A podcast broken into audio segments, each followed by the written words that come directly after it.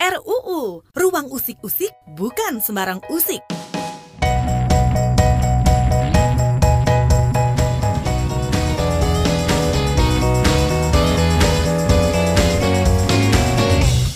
Halo, kamu mendengarkan podcast Ruang Usik-Usik. Ini adalah kerjasama Koalisi Seni dengan KBR. Saya Naomi Liandra. Pandemi COVID-19 mengubah seluruh penduduk di dunia menjalani kehidupan apa pun profesinya, tak terkecuali para seniman. Cara berkesenian pun jadi mengalami perubahan yang sangat drastis. Nah, kegiatan seni yang awalnya banyak mengandalkan pertemuan langsung, sekarang perlu beradaptasi dengan pembatasan jarak dan juga protokol kesehatan lainnya untuk mencegah penyebaran virus. Kondisi inilah yang akhirnya mendorong para pekerja seni untuk putar otak mencari bermacam siasat supaya bisa tetap berkarya. Podcast Ruang Usik-Usik atau RUU kali ini bakal memotret siasat para seniman di tengah pandemi. Dan kali ini ada dua seniman, Keduanya itu anggota koalisi seni bakal urun rembuk soal pengalaman mereka. Yang pertama, Peppermoon Puppy Theater diwakili Maria Tri Sulistiani atau Mbak Ria dari Yogyakarta yang nantinya akan bercerita tentang strateginya beralih wahana dari pertunjukan langsung ke berbagai platform digital serta kolaborasinya dengan seniman dari berbagai penjuru Indonesia dan juga dunia. Nah, sementara itu Franciscus Delvi Abanit Asa dari Nusa Tenggara Timur juga bakal berbagi soal kegiatan komunitas Fohorai. Festival Kampung Adat Fohorai yang tadinya bakal diselenggarakan bersama pemerintah tahun ini terpaksa batal. Tapi kegiatan lainnya seperti kursus musik, kelompok tenun anak, dan persiapan pembuatan film pendek tetap berjalan.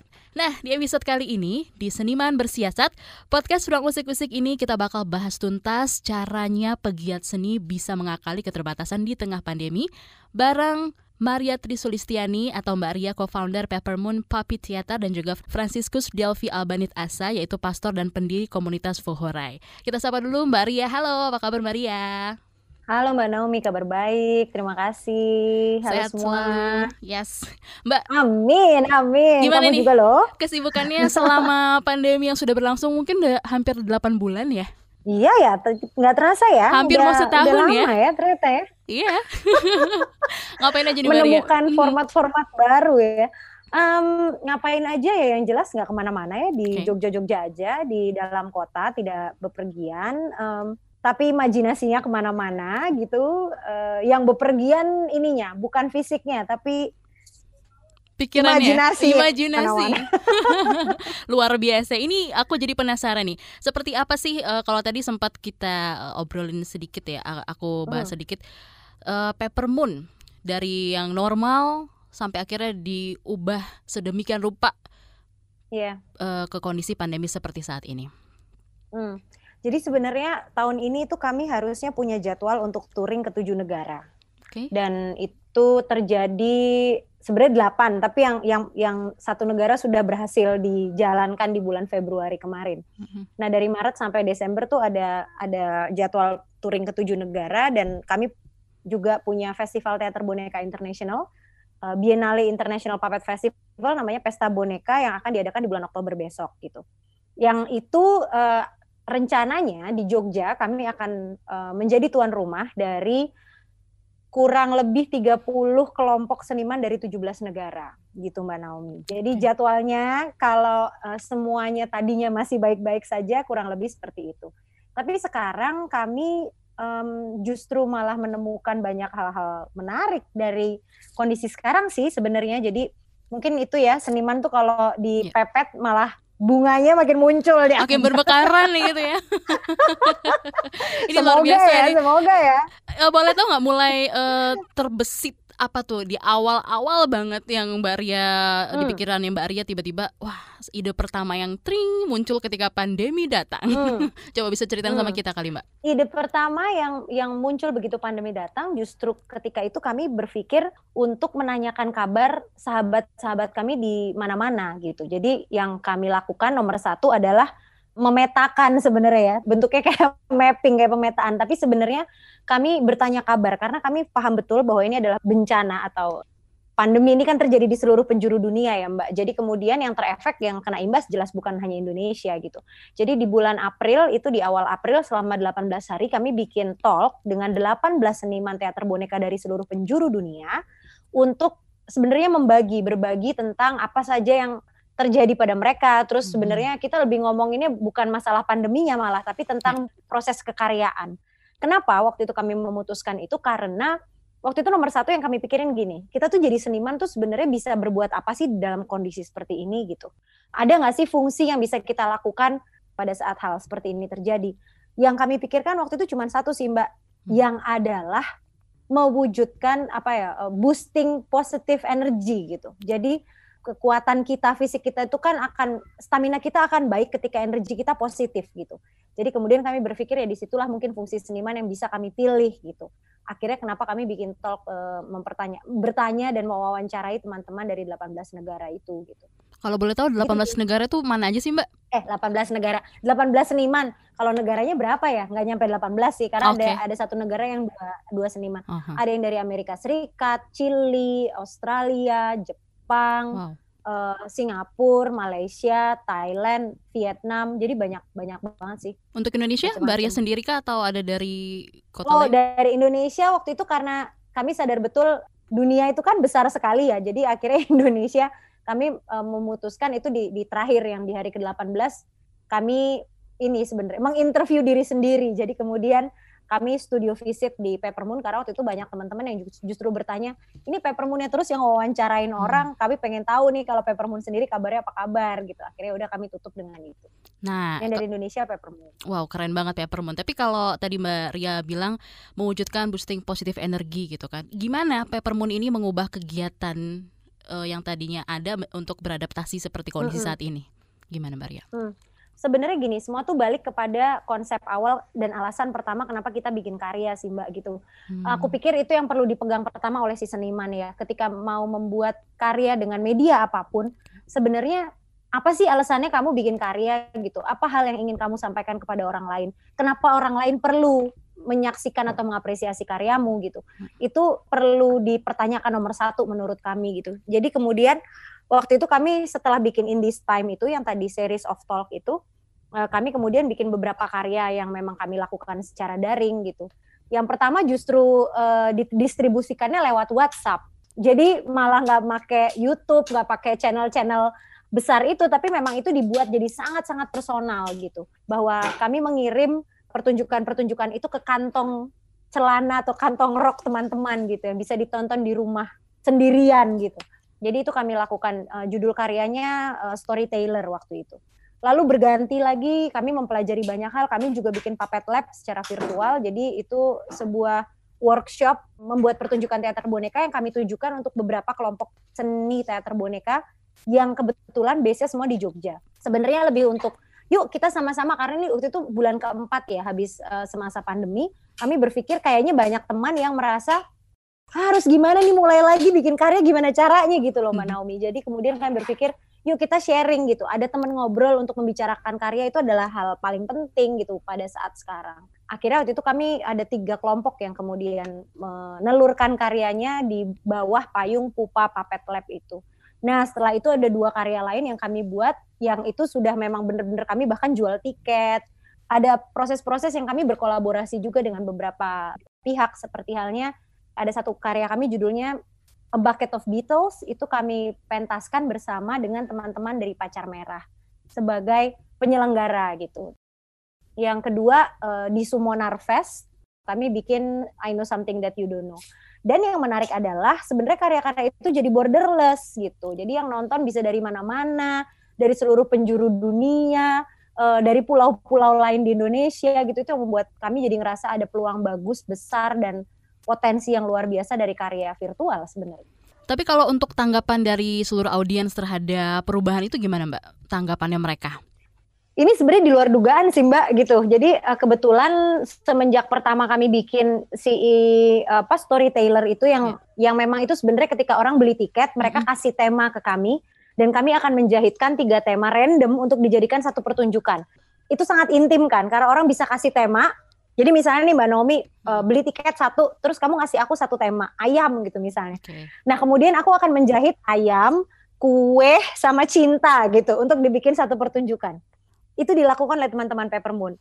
Hasil karya itu kemudian direkam, lalu dikirimkan lewat WhatsApp.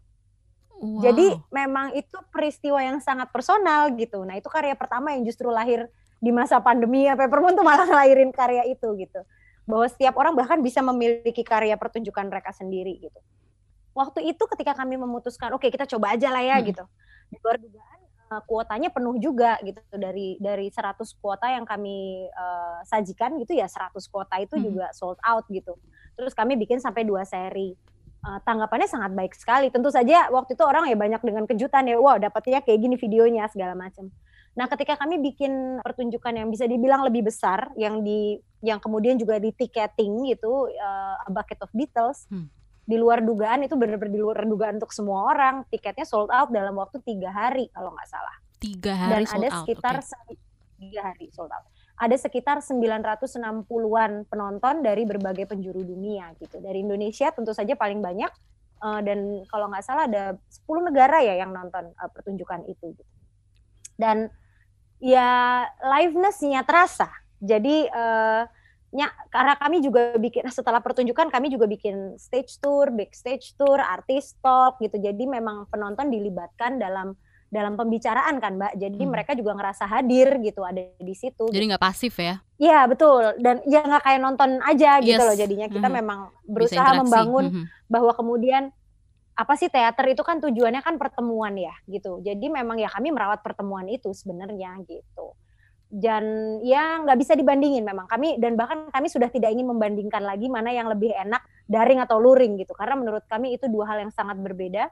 Dua-duanya punya potensi yang sama-sama besarnya dan enaknya sih diulik positifnya aja gitu. Ya tentu saja ada kekurangan kelebihan tapi itu bukan untuk dibandingkan kalau menurut saya. Karena dua-duanya sama-sama baik. Betul. Sama-sama baik dan eh, sama-sama punya kemungkinan sama-sama hmm. punya potensi. Ya saya berpikir gini ya kalau banyak orang bilang wah kalau daring tuh ABCDE gitu, hmm. minusnya hmm. ini itu ini itu. Tapi kalau saya prefer saya lebih memilih tapi teman-teman yang ada di Maumere bisa nonton dalam waktu yang bersamaan. Hmm. Kapan Peppermoon bisa berangkat ke Maumere untuk mementaskan karya ini? Gak tahu kita gitu. Kita punya keterbatasan dana untuk melakukan itu. Teman-teman di New York bangun tidur sambil sarapan mereka bisa nonton karya yang sama yang di premier dari Jogja gitu. Memang tidak bisa disamakan, tapi menurut saya mungkin ini adalah waktunya untuk menanam konsep gitu. Jadi suatu hari nanti ketika perjalanan itu dimungkinkan kembali, mereka punya ingatan atas menonton sesuatu atau melihat sesuatu yang kemudian ingin betul mereka sambangi suatu hari nanti. Ah, ini makin seru nih sobat RUU. nanti kita bakal lanjut lagi, Mbak Arga, tahan dulu ya. Sebelum kita melanjutkan obrolan kita terkait Peppermoon, saya juga pingin dengar nih bagaimana pandemi ini juga mempengaruhi kegiatan komunitas dan juga Museum Fohorai di Belu Nusa Tenggara Timur. Sekarang kita simak cerita dari Romo Franciscus Delvi Albanit Asa, pendiri komunitas Pohorai berikut ini. Sebenarnya mendengar ketika kita dengar istilah pandemi dengan situasi sekarang sejak bulan Maret kemarin, jujur saja teman-teman kita sempat shock dengan eh, arus ekonomi yang mendadak hampir stuck seperti ini gitu. Tapi dalam semangat Fohorai teman-teman kita ya, kita tetap saling mendukung, saling membangun semangat terus menerus. Ya, apalagi kami di daerah ini ya mau tidak mau uh, saling support itu ya harus dibangun. Kalau tidak ya mau bagaimana gitu. Hanya bisa menjadi energi sisa yang harus kami pupuk bersama dengan teman-teman.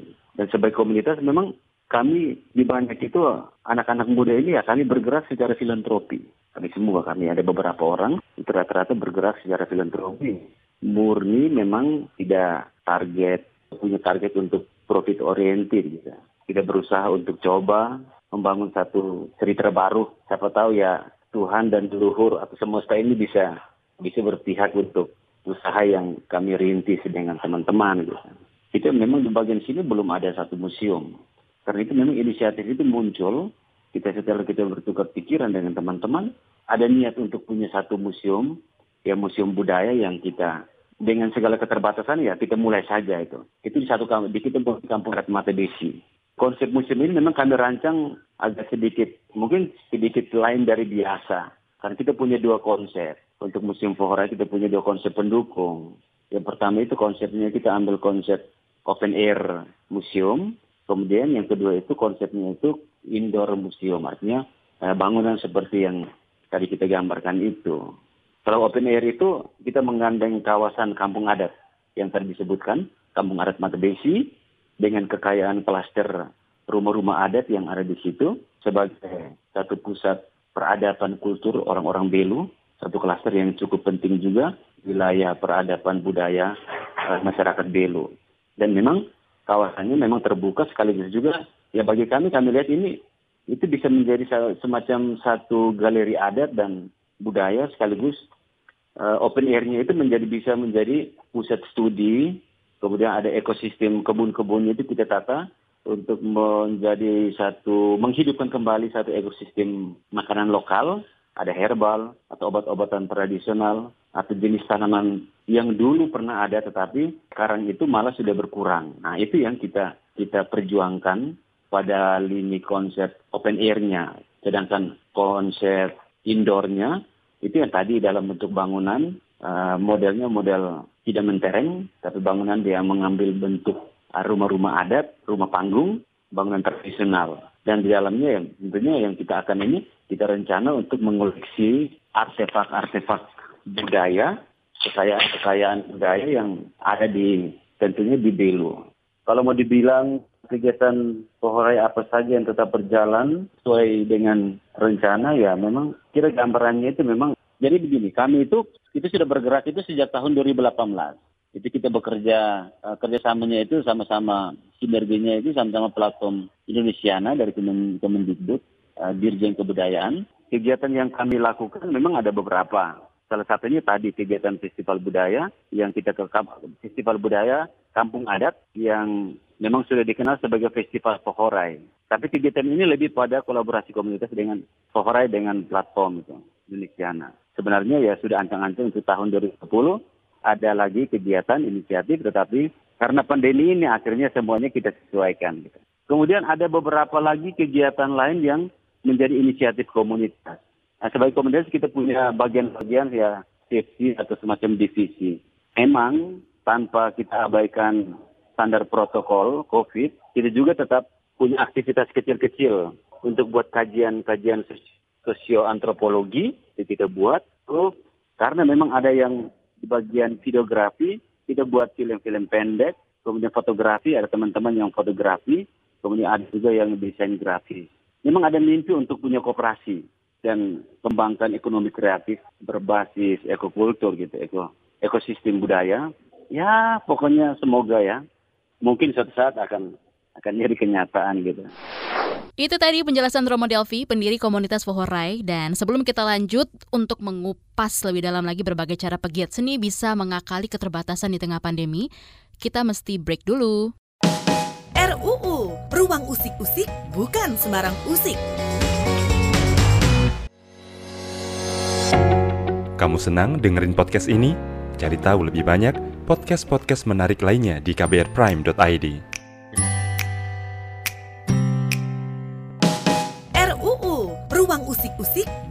bukan sembarang usik.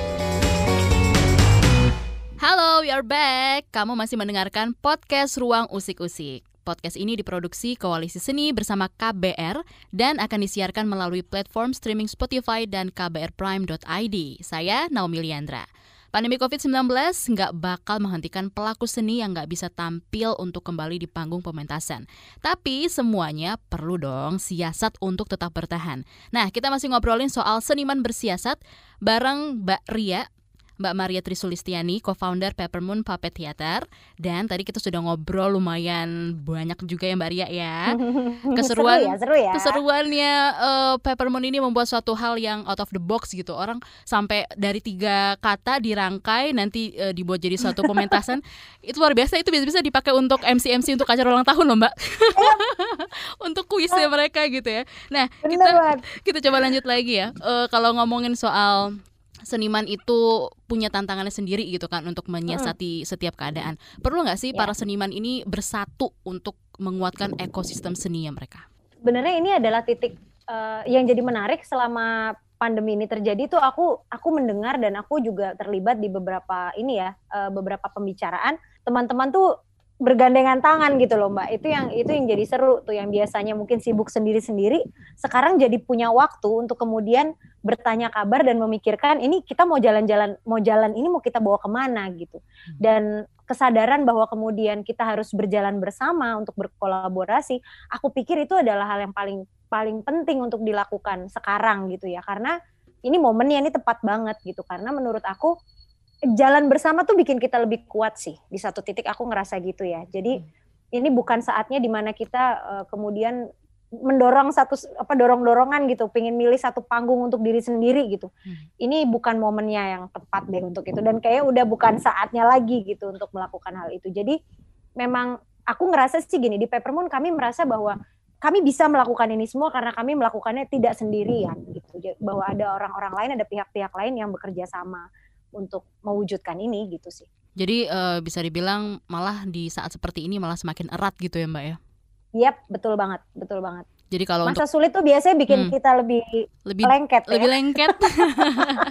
Bener-bener. Tapi dukungan apa aja sih mbak yang diperluin gitu dari berbagai pihak supaya uh, proses berkesenian Peppermint itu bisa semakin maju, apalagi di masa pandemi ya dan pasca pandemi nanti.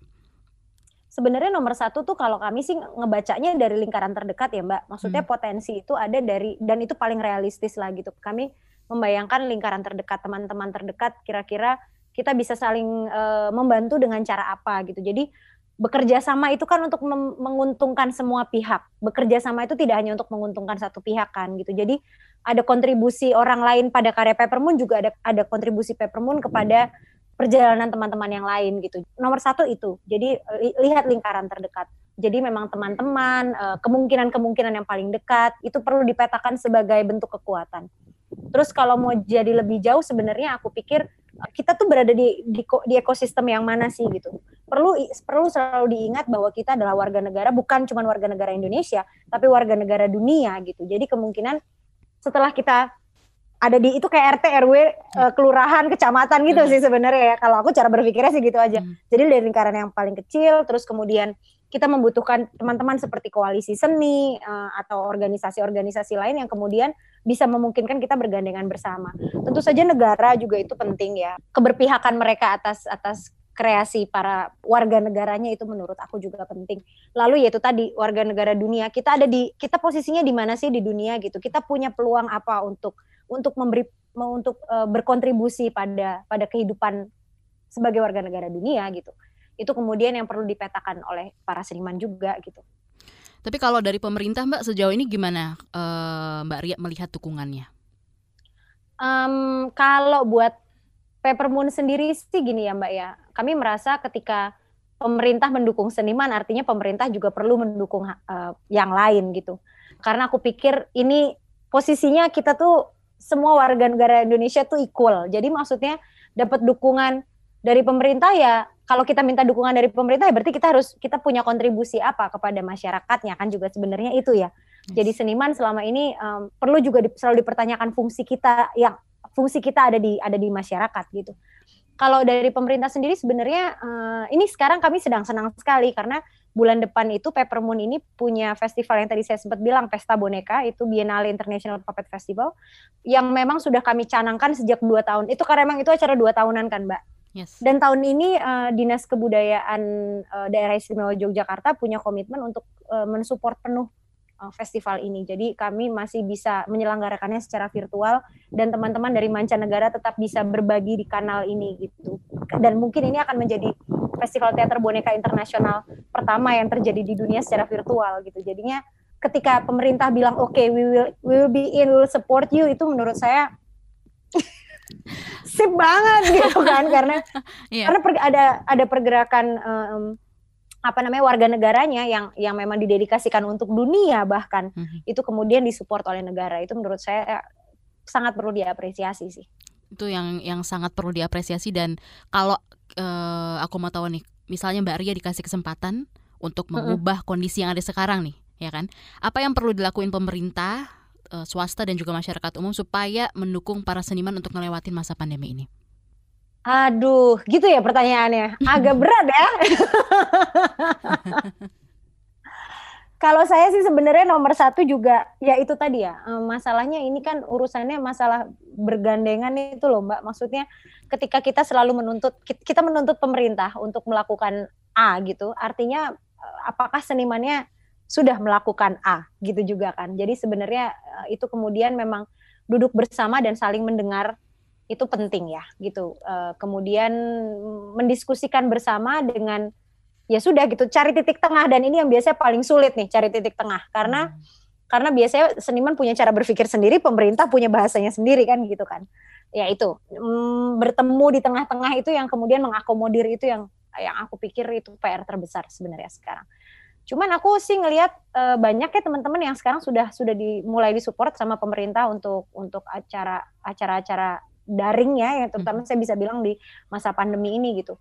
Karena juga nggak ya itu itu juga lagi-lagi cukup perlu diapresiasi. Tapi semoga bisa lebih banyak ya. Karena sebenarnya mufakat itu yang dibutuhkan gitu ya, mufakat. Iya, bener banget. Maksudnya kita baik nuntut, tapi iya. kemudian yeah. apakah kita sudah melakukan hal yang memang kepentingan untuk banyak orang gitu, bukan hmm. cuma untuk bukan untuk diri sendiri gitu. Itu juga penting. Yes, wah mantap sekali. Kalau itu tadi harapan dari Peppermoon ya, uh, terus gimana nih harapan komunitas Fohorai? Kembali kita bakal simak penuturan Romo Franciscus Delvi Abanit Asa, pendiri komunitas Fohorai berikut ini. Pandemi ini, kami di pinggiran ini menjadi satu, ya kalau kami mau lihat dari kacamata kami ya, kami itu menjadi klaster yang terdampak. Artinya belum tersasar atau untuk sementara itu bukan tersasar kelihatannya begitu. Ya semoga ya, karena topik itu hanya batas batas di terdampak saja kami. Itu jadi korban sasaran dari ini eh, pandemi gitu pokoknya kita tidak enak lah sebut istilah pandemi jadinya tidak enak karena banyak hal harus mandek. Kita harus dapat dampak dampak global seperti ini.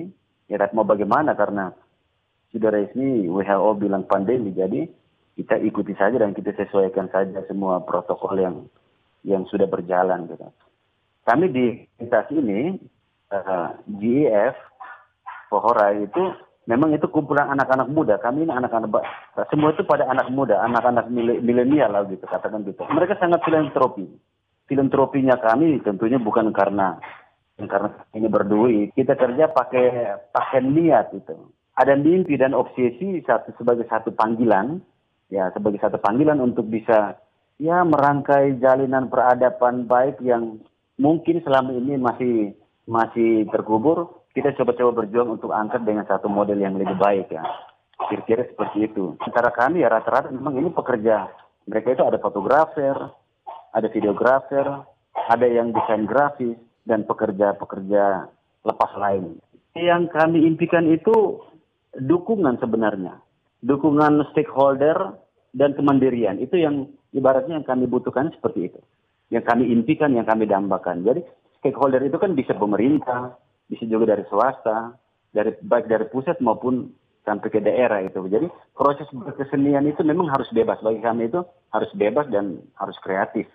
Nah selebihnya hanya dukungan dan perhatian. Ya sebagai komunitas memang tidak tidak tidak sangat tidak nyaman kalau kalau ada intervensi. Kalau intervensi dengan kondisi situasi uh, politik ya kita kadang-kadang juga bisa tersendat. Tapi itu situasi mau tidak mau memang harus kita hadapi. Tapi intinya itu kita membutuhkan dukungan. Nah, dalam kebebasan ini memang orang sini bisa bisa berkreasi apa saja tentunya. Stakeholder memang bagi kami itu wajib wajib menghargai kreativitas dan itu menjadi poin penting. Ruang kreatif bagi kami harus menjadi atmosfer yang bagus, harus lepas dari tadi intervensi dan kebijakan-kebijakan pendanaan. Bagi kami itu kalau dibuat lebih bagus lagi ya itu jadi atmosfer yang yang bagus lah untuk berkembangnya uh, semangat ini. Dari perbincangan podcast RUU episode kali ini, kita jadi tahu ya bahwa para pelaku seni itu tidak berpasrah diri menghadapi pandemi. Tapi justru dalam kondisi ini mereka teruji melahirkan berbagai siasat-siasat yang diperlukan untuk tetap melanjutkan karya dan malah semakin erat. Terima kasih Mbak Maria, co-founder dari Peppermoon Puppet Theater dan juga Franciscus Delvi Abanit Asa, pastor dan pendiri komunitas Fohorai untuk ceritanya. Terima kasih Mbak Naomi, terima kasih semua, terima kasih. Thank you Maria ya, terima kasih banyak. Thank you ya. Kamu suka podcast Ruang Usik-Usik ini? Kami tunggu ya masukannya di podcast at kbrprime.id. Podcast ini bisa didengarkan di kbrprime.id, juga di Spotify, Google Podcast, dan platform mendengarkan podcast lainnya. Ikuti juga at Koalisi Seni di Instagram dan Twitter untuk update kebijakan seni Indonesia.